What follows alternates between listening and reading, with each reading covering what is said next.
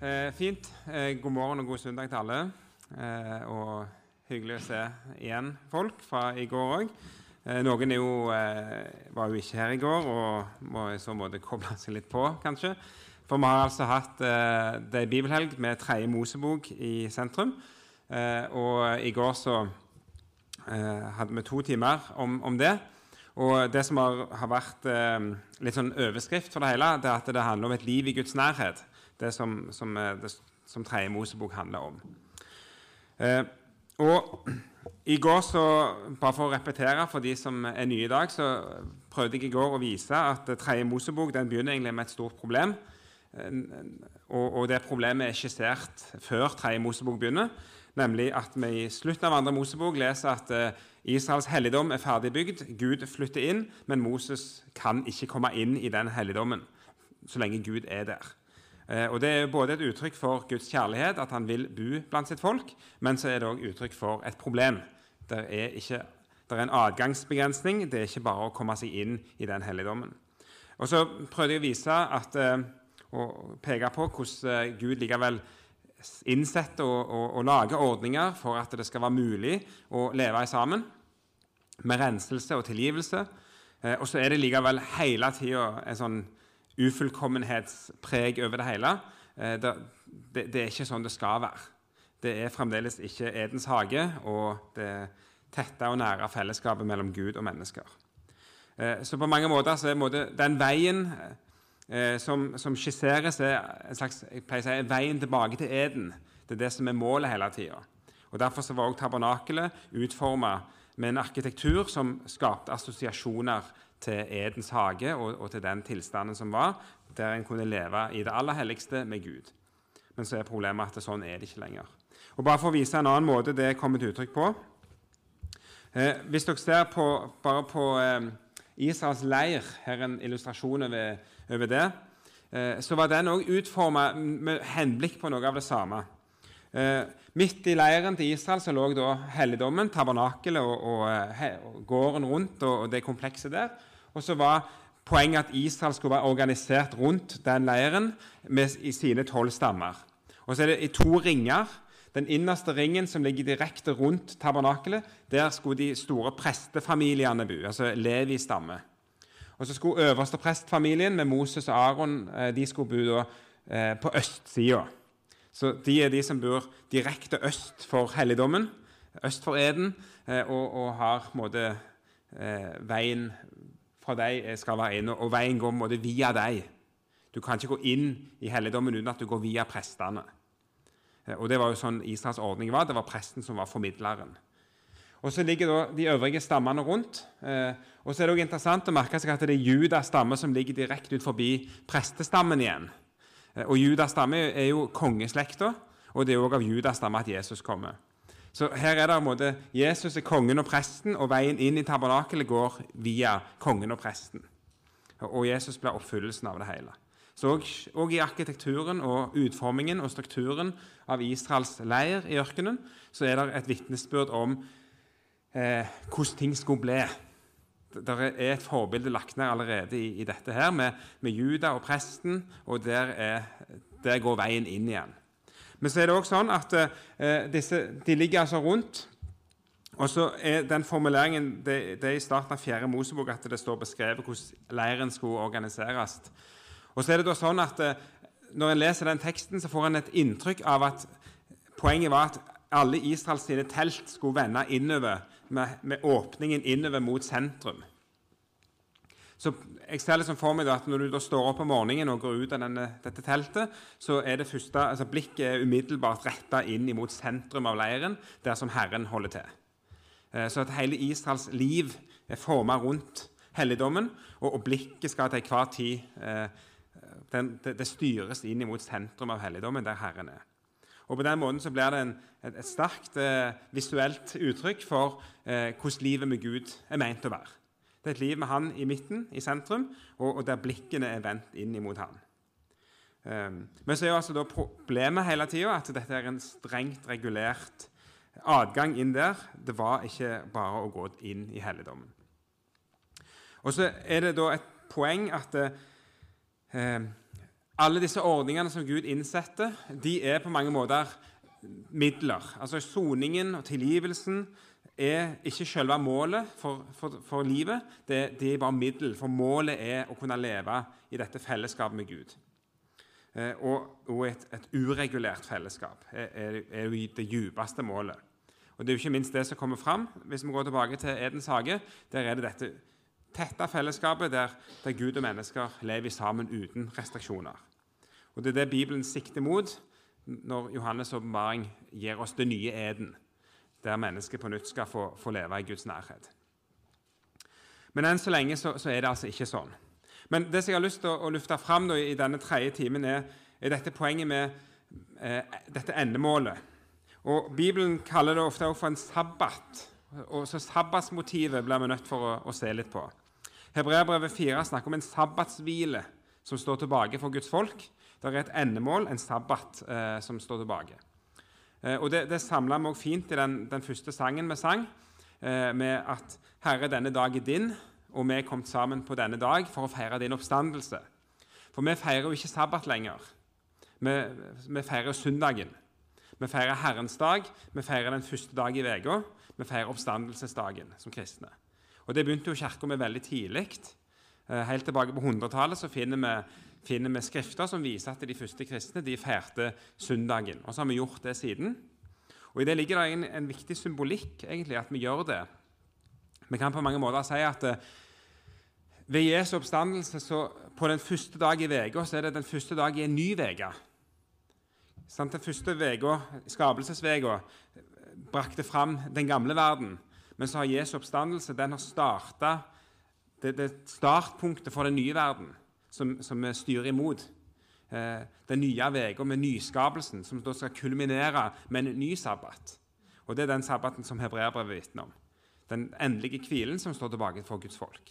Så lever på en vi i denne uka eh, som, som eh, har et mål der framme. Så det passer seg veldig godt at vi samles på en søndag, på den første dag i uka etter at sabbaten er over, den jødiske sabbaten, Eh, for vi, vi, feirer ikke det gamle, vi feirer faktisk starten på det nye.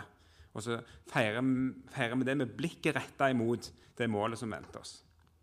Og Tredje Mosebok eh, har òg det blikket på mange måter. Eh, retta imot at Guds folk skal leve i dette tette sabbatsfellesskapet med Gud. Hele Bibelen retter seg i, i den retningen. Så vi kan godt si at vi, vi lever i, i i den, første, i, i den, nye skapelsen, og vi venter på den endelige hvilen. Og så ønsker jeg i dag å lufte fram noen tekster fra Tredje Mosebok som, som også er med og understreker dette her, at det er målet med, med tilværelsen. Det, det, er sånn Gud vil at disse ting skal være. Så det var prøve å tegne opp bildet for dere. Eh, og så skal vi nå gå inn i noen, noen tekster som er med og understreker og vitner om eh, dette målet. Og Da skal jeg begynne med en litt, litt merkelig tekst, egentlig, som, som, jeg, eh, som, jeg, ikke skal presse for mye, men, men som jeg likevel jeg tror tegner opp etter noe lignende. Og Da kan dere slå opp i kapittel 24 i 3. Mosebok eh, og så se i, på de første versene, altså 1-9 i kapittel 24.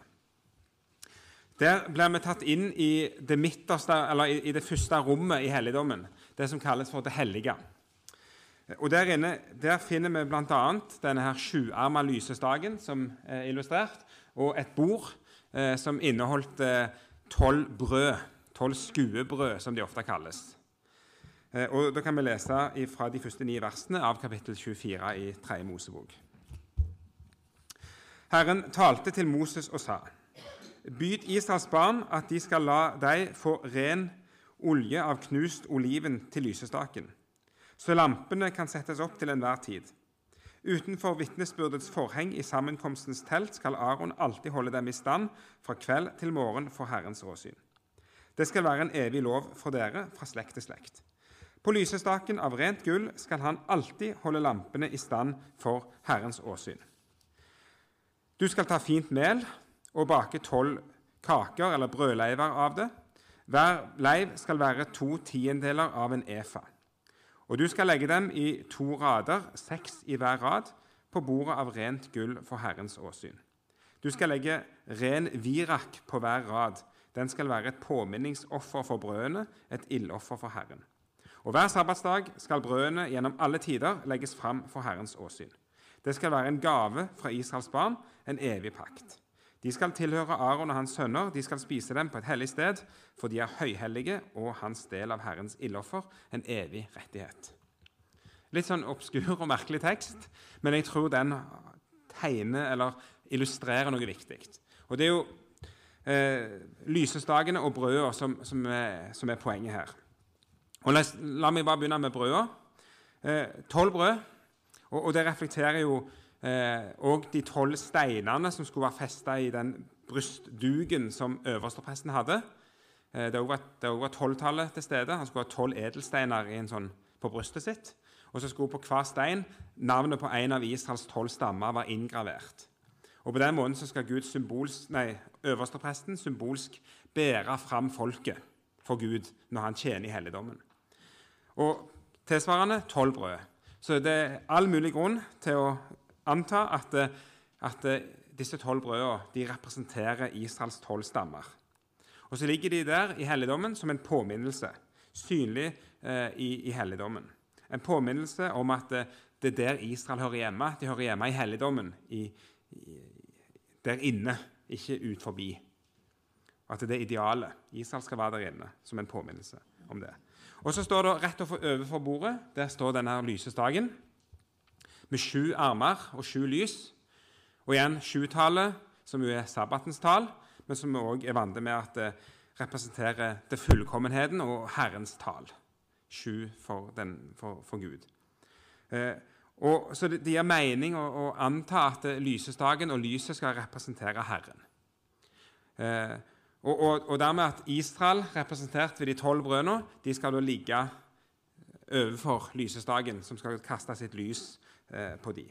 Og Det sies faktisk i 4. Mosebok 8 eh, om lysestaken at Gud gir beskjed til Aron at eh, når du setter lampene i lysestaken opp, da skal alle sju lampene kaste lyset rett fram for lysestaken.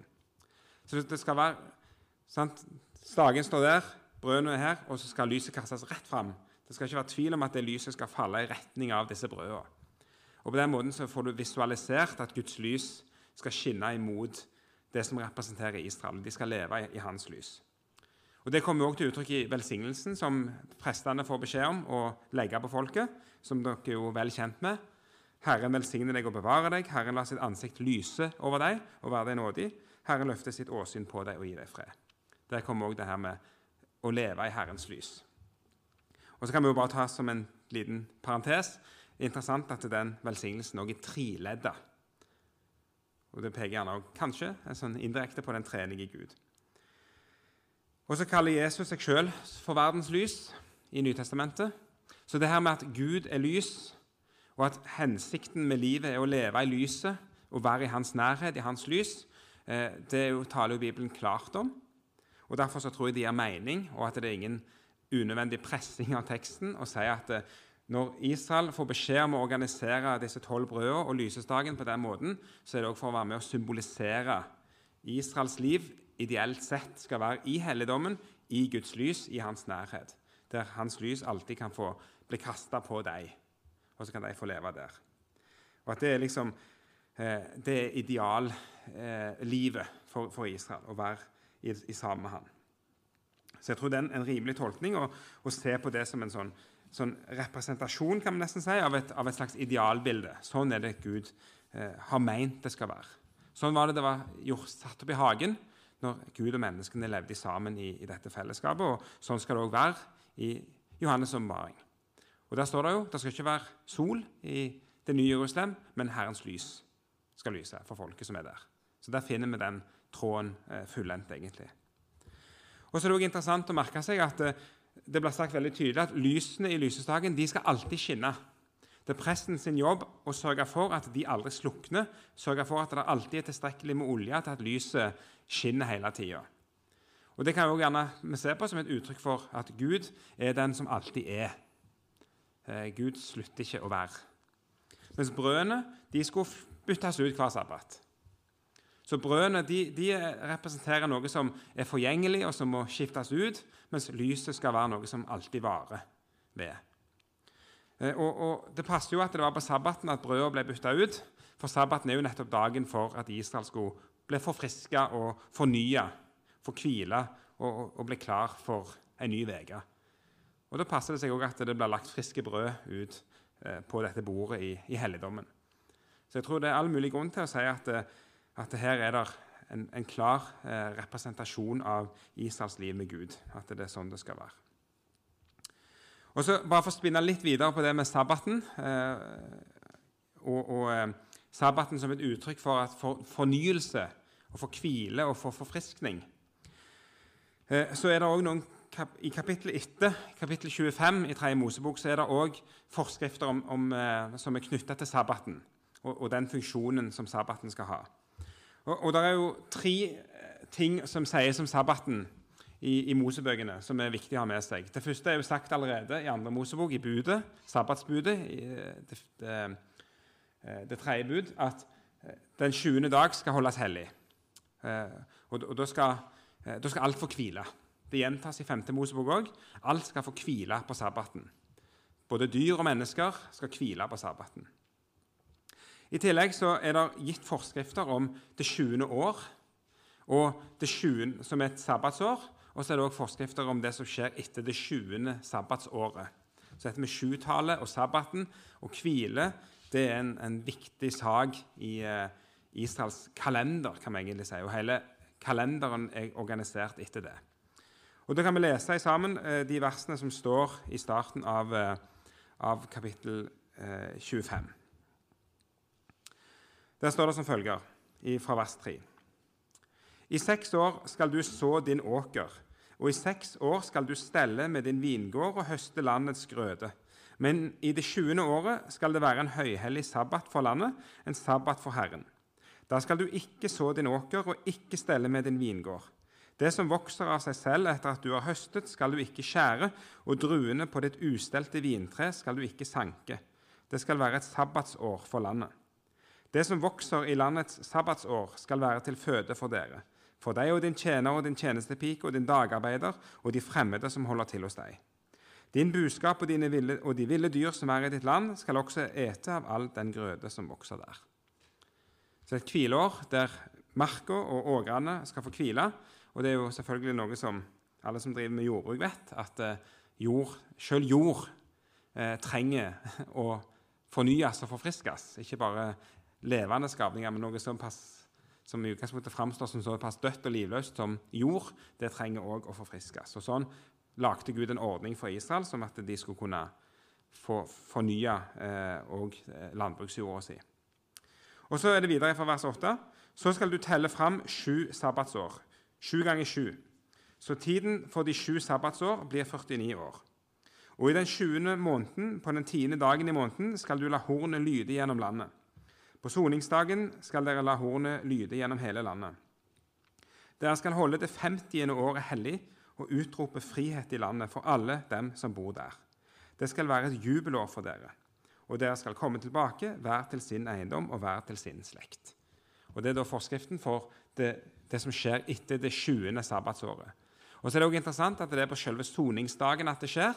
Så igjen forsoningen og soningen og tilgivelsen og renselsen den ligger til grunn for friheten som utropes i, i, det, i det 50. året. Og så er det et år med frihet for alle som er, er fang, fanger, for å si det sånn, enten de er fanga i gjeld eh, eller på andre måter. Så er det et frihetens år i, for alle. Eh, og alle, all økonomi skal på resettes. All jord skal vende tilbake til de familiene som, som det tilhører. Det er en, en radikal økonomisk eh, system og, om, og vi vet egentlig ikke i det hele tatt om det noen gang ble etterlevd i Israel. Det fins ingen vitnesbyrd om det i, i, Bibelen, at det ble etterlevd. Men det er i hvert fall sånn det er skrevet og sagt eh, i, i Tredje Mosebok. Men vi finner altså veldig tydelig en sånn tanke om at det 20. 20. dag, det 20. år og det 20. sabbatsår eh, det er år til forfriskning, fornyelse, frihet eh, for folk og jord og land, egentlig. Alt, hele tilværelsen, skal forfriskes, eh, og det knyttes til sabbaten. Så tenk vi oss igjen, og brødene som skulle byttes ut på sabbaten. Det er en, et veldig klart element av, av, en fornyelse som knyttes til, til, dette her. Og så er Det jo spennende, det som neste vega, neste søndag, når det er første søndag i advent, da skal vi jo lese eh, som prekentekst fra Lukas 4. Og Da er det at Jesus er hjemme i Nasaret og kommer i synagogen i Nasaret og blir bedt om å lese fra Skriftene. Og Da står det at eh, de ga han profeten Jesajas bok, og da han åpnet boken, fant han stedet der det står skrevet Herrens ånd er over meg, for han har salvet meg til å forkynne evangeliet for fattige. Han har sendt meg for å forkynne at fanger at de skal få frihet, og for blinde at de skal få syn, for å sette undertrykte fri, for å forkynne et nådens år fra Herren. Han lukket boken, ga den til tjeneren og satte seg. Alle som var i synagogen, hadde øynene festet på han. Um, han begynte med å si til dem, 'I dag er dette Skriftens ord blitt oppfylt for ørene deres.' Og så er det nettopp det Jesus gjør. Han sier at disse forskriftene som er sagt, og som også profeten Jesaja har knytta til Herrens Messias 'Jeg er den. I dag skjer det. Nå begynner det.' Nå begynner dette å oppfylles, det som er sagt. Nå det nå er det, det sanne, det ekte, det fullstendige og komplette eh, jubelåret i gang. Og så begynner Jesus sitt virke eh, med det, som kulminerer med at han gjennomlever den store forsoningsdagen og, og, dør for sitt folk og for oss. Så på den måten så, så er det igjen at alt dette retter seg og oppfylles i Jesus. Hele tida er det han samler opp alle trådene som, som, eh, som er lagt opp i Bibelen. Eh, så på den måten så, så, det, så ser vi altså at det, eh, starten av det som jeg ønsker hele tida å, å, dra det fram imot, at dette idealbildet som er tegnet om, om, livet i Guds nærhet, som knyttes til sabbaten, og sabbaten som knyttes til, til fornyelsen og til, til, til liksom gjenopprettelsen, det samles igjen opp i Jesus. Og så er det det vi begynner med i advent dette året, med nettopp å å, og, minnes at han er den som Gud har lovt at skal være eh, den som oppretter dette her sabbatsåret, som, som, eh, eller jubelåret, som er for Guds folk. Så da holder vi den tråden der, håper jeg. At jeg klarte å tegne den opp tydelig nok. Og Så skal jeg vende tilbake bitte litt til disse her brødene for å få med ett moment til før jeg eh, avslutter. Eh, for det er ei side til de brødene som jeg tror har, vi kan ta med oss som en del av, dette, av, av helhetsbildet. Eh, og det er at Disse skuebrødene som skulle ligge der inne i helligdommen, de skulle ligge ei uke. Og alle som kan litt om brødbaking, vet at du uten at du har juksa ganske fælt, så kan ikke brød bare ligge sånn ei uke uten at det blir ganske ufint produkt. Og enda, sikkert enda mer i, i, i den tida. Så en kan gå ut ifra at disse brødene nok var usyra. At det var, det var ikke gjær i, i, de brødene. Da kan de ligge, hvis de er usyra. Eh, det, det, står ikke direkte at de skulle være usyra, men antageligvis er de usyra uten surdeig, uten gjær. I tillegg så vet vi også fra andre forskrifter at surdeig, gjær, skulle aldri bringes inn i helligdommen. Eh, det var strengt forbudt. Ingen surdeig skal være knytta til det høghellige. Eh, og så er det jo interessant at Bibelen bruker jo nettopp mange plasser surdeig som et uttrykk for noe som gjennomsyrer og bryter ned. Eh, og jeg tror at det, igjen det, det, er et poeng at det som skal ligge der og leve og være i Guds nærhet, det er noe som, være, som ikke skal ha surdeig i seg. Det skal ikke være noe nedbrytende i det, hvis dere er med på bildet. Så Det handler om noe som skal være hellig, noe som skal være rent og ikke ha være smitta av det som ned, er nedbrytende og ødeleggende. Um, og, og, Det kommer også til uttrykk med at uh, nettopp, og det, er jo det store avsnittet jeg ikke sier noe om i disse bibeltimene, det som heter hellighetsloven. At det er et svært avsnitt i, fra kapittel 18 til 26, som, eh, og særlig 18, 19, 20, 21, med masse regler for Israels hellighet. For Israel skal være rene når de lever sitt liv i Guds nærhet. Og Det står til og med i det er vel i kapittel 24 tror jeg, at eh, eller det står, det står flere plasser at hvis israelsfolket blir smitta av urenhet, hvis de, hvis de måtte dyrke urenheten, så står det at landet tåler det ikke. Landet kommer til å spy dem ut og kaste dem ut, for landet håndterer ikke å ha den urenheten iblant seg. Så, så det, å ha, det å være urein og leve i Guds plan og, og sånt, det går ikke. Og Derfor så også, dette, dette brødet måtte også være usyra.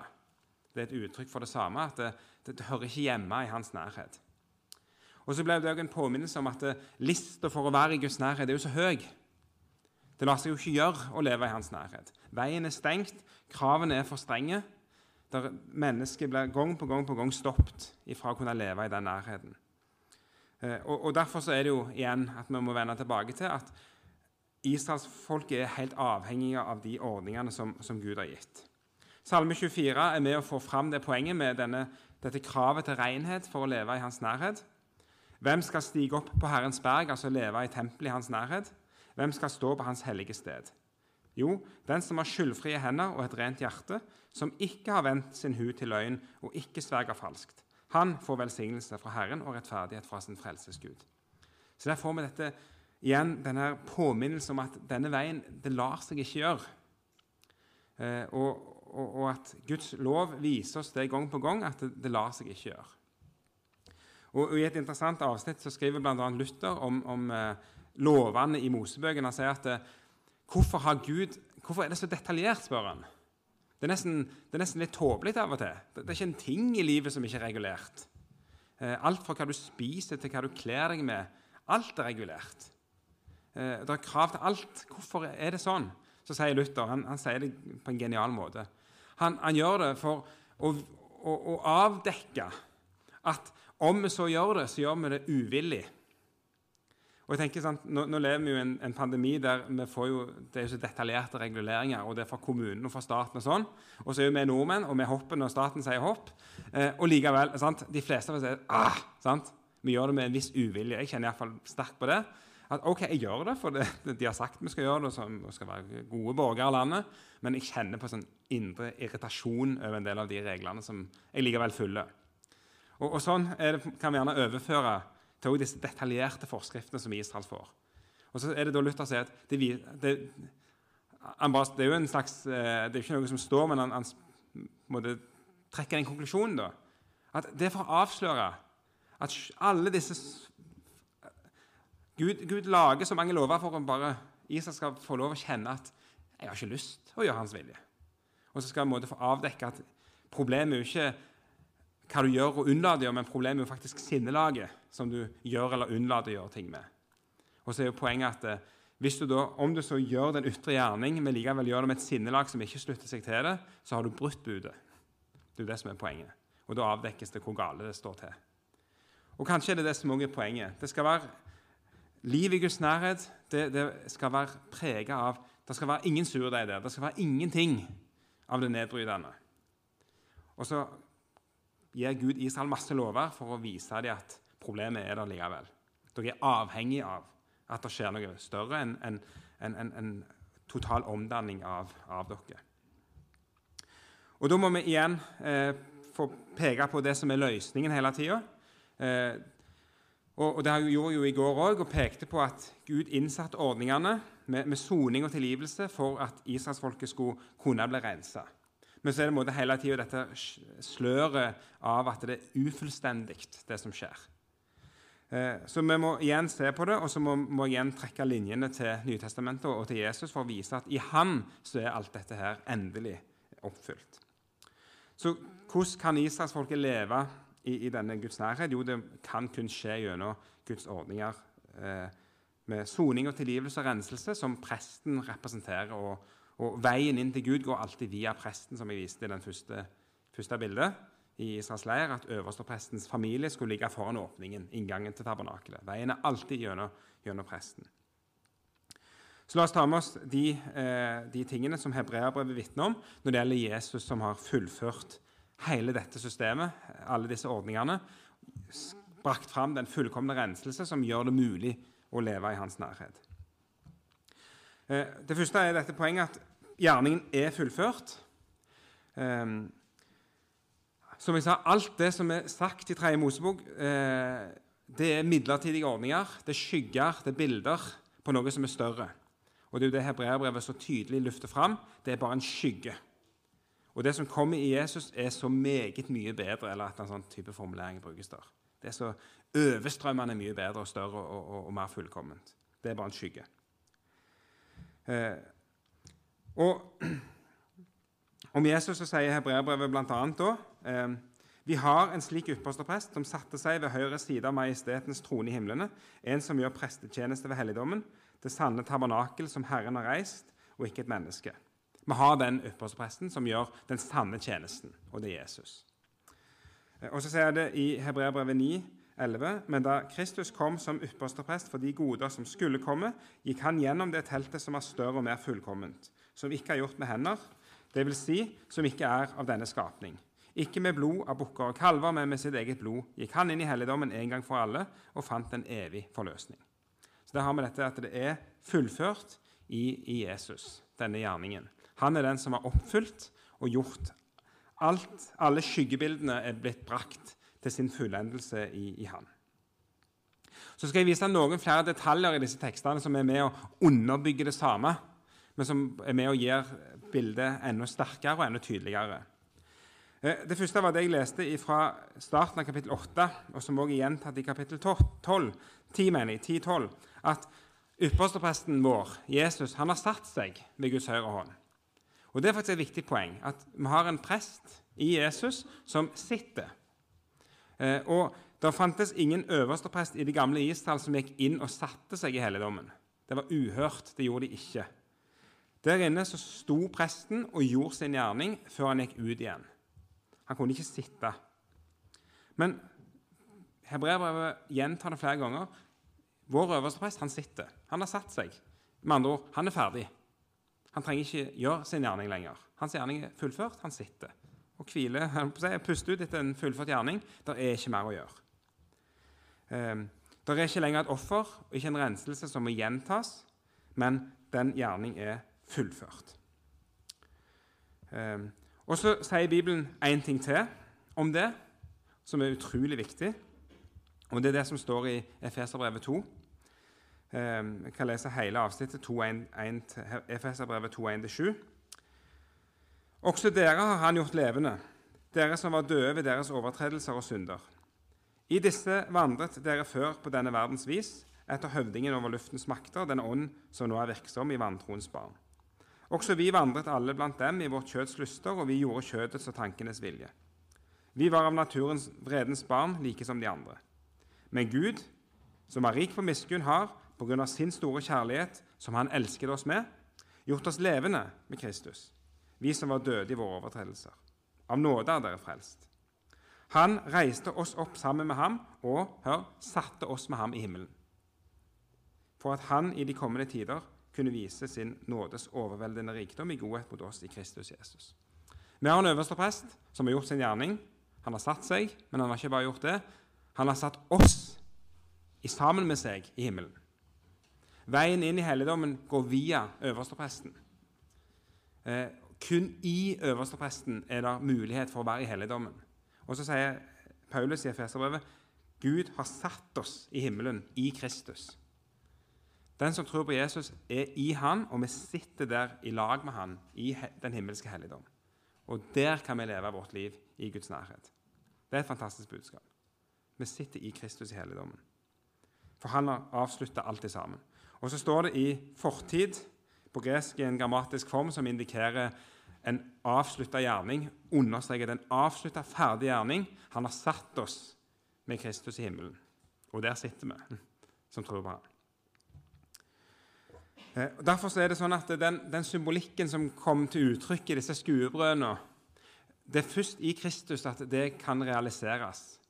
Ved at vi er i Han, eh, så kan vi endelig være der i helligdommen. Vi kan sitte i Han, i helligdommen, i Guds nærhet, i Guds lys, eh, og, og, leve det livet som det var meningen at vi skulle leve eh, i lag med Han i helligdommen. Og så er det trøstens ord at eh, Hebreabrevet sier òg at når han sitter der i helligdommen, så ber han for sine. Han går i forbønn for sine.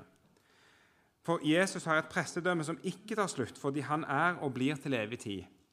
Derfor kan han også fullt og helt frelse dem som kommer til Gud og ham, fordi han alltid lever og går i forbønn for dem. Så Jesus fortsetter òg Der vi er i Han, så fortsetter han òg sin gjerning med å bære oss fram for Gud i forbønn. Og er vår talsmann hos Gud, sånn som òg eh, Johannes eh, vitner om i eh, 1. Johannes brev, at om noen synder har vi en talsmann hos Far, Jesus Kristus den rettferdige. Han er vår talsmann. Han er, vår, han er den som kalles til, vår advokat, vår mellommann, eh, vår trøster, som er hos Gud, eh, og som lever og går i forbønn for oss. Eh, som den øverste presten han er. Og så er det spennende at i Nytestamentet så er det én plass hvor øverstepresten Jesus ikke sitter, men hvor han reiser seg opp og står. Og Det leser vi om i apostelgjerningene 7. Når Stefanus er i ferd med å dø, så får han et syn fra himmelen som han deler med de som skal til å steine han, og sier Se, jeg ser himmelen åpnet og menneskesønnen stå ved Guds høyre hånd. Og så er det nettopp Han reiser seg opp, for nå skal han ta imot en som skal komme øyeblikk. Så, så Vi har en øversteprest som sitter og har gjort sin gjerning. Vi sitter i han, og så reiser han seg opp og tar imot sine når de skal komme til han. Det er et nydelig lite syn som eh, Stefanus får se rett før han skal dø. At Jesus står der, og han er klar til, til å ta imot ham. Så reiser han seg opp på den måten. Så på den måten så, så får vi et, et, fantastisk bilde av en øverste prest som har gjort en gjerning for sitt folk, eh, og som muliggjør dette ideallivet som, eh, som Tredje Mosebok eh, illustrerer, tror jeg, gjennom dette bildet av, eh, av lysestaken og brøda. Brød som skulle være usyra eh, og hele og rene. Alt dette her fullendes i Kristus. Så trenger vi hans forbønn, vi trenger hans soning i, i, vårt daglige liv. Eh, fordi at eh, denne surdeigen er jo ikke rensa ut ennå. Den blir jo ikke rensa ut for den dagen vi får eh, stå igjen med, med, nye kropper. Da er han endelig rensa vekk ifra, ifra oss. Eh, så den evige sabbatskvilen er det som, som, vi får vente på. Så kan jeg bare ta med en siste lille digresjon eh, på dette. her, og det er jo det at i det opprinnelige så var det, altså, det var jo en hage som var det opprinnelige. Og så leser vi at det, det første mennesket gjør, Kain gjør etter han har flykta fra Gud, er å bygge en by. Og så er det sånn i, i Bibelen at Byen er ofte et uttrykk for eh, der mennesket ender opp med å gjøre opprør mot Gud. Men da, er det så fint at i Johannes' åpenbaring er, er, det nye Jerusalem er en hage og en by. De er begge deler. Altså, Gud gjenoppretter alt. Alt som er uttrykk for det negative, blir i Han gjenoppretta. Og så skal vi få nyte og leve i alt dette her i, en sånn evig fullkommenhet pga. Eh, det som han har gjort i, i, i sin, eh, som, i sin øverste prestelige gjerning. Så et Kjempeflott bilde som tegnes, og som Tredje Mosebok er med liksom å underbygge og, og, og, og tegne for oss eh, på denne måten her. Med et idealbilde der vi skal leve i helligdommen i hans lys, i hans nærhet. Eh, og, og, det er målet for, for, vår tilværelse, og det muliggjøres gjennom øverstepresten sin gjerning. Så jeg håper jeg, Det var mange tanker, mange poeng, men jeg håper dere klarer å, å, holde, få med dere hovedlinjene i det jeg prøver å formidle. Så Det var det jeg hadde lyst til å si og dele med dere, og så vil jeg be en bønn til slutt. Gode Gud og himmelske Far, vi takker deg for eh, eh Søndagen er den første dag i uka. Vi takker deg for din oppstandelse. Vi takker deg, Herre, for at det, eh, det er starten på det nye, som skal få kulminere med en evig hvile hos deg, eh, der vi skal få leve dette livet i din nærhet, i ditt lys, eh, helt og fullt, uten restriksjoner, uten eh, eh, noe av det som binder og ødelegger og, og holder, skaper avstand i, i dette livet. Eh, takk for det håpet du har gitt oss, og, og, takk, Herre, for at du har muliggjort alt i din gjerning. Så ber jeg for forsamlingen her. Jeg ber Herre om at du må være med, og den enkelte, og la, eh, la ditt lys skinne inn i livene, så folk kan få tro deg og, og leve med deg. Det ber jeg om i Jesu navn.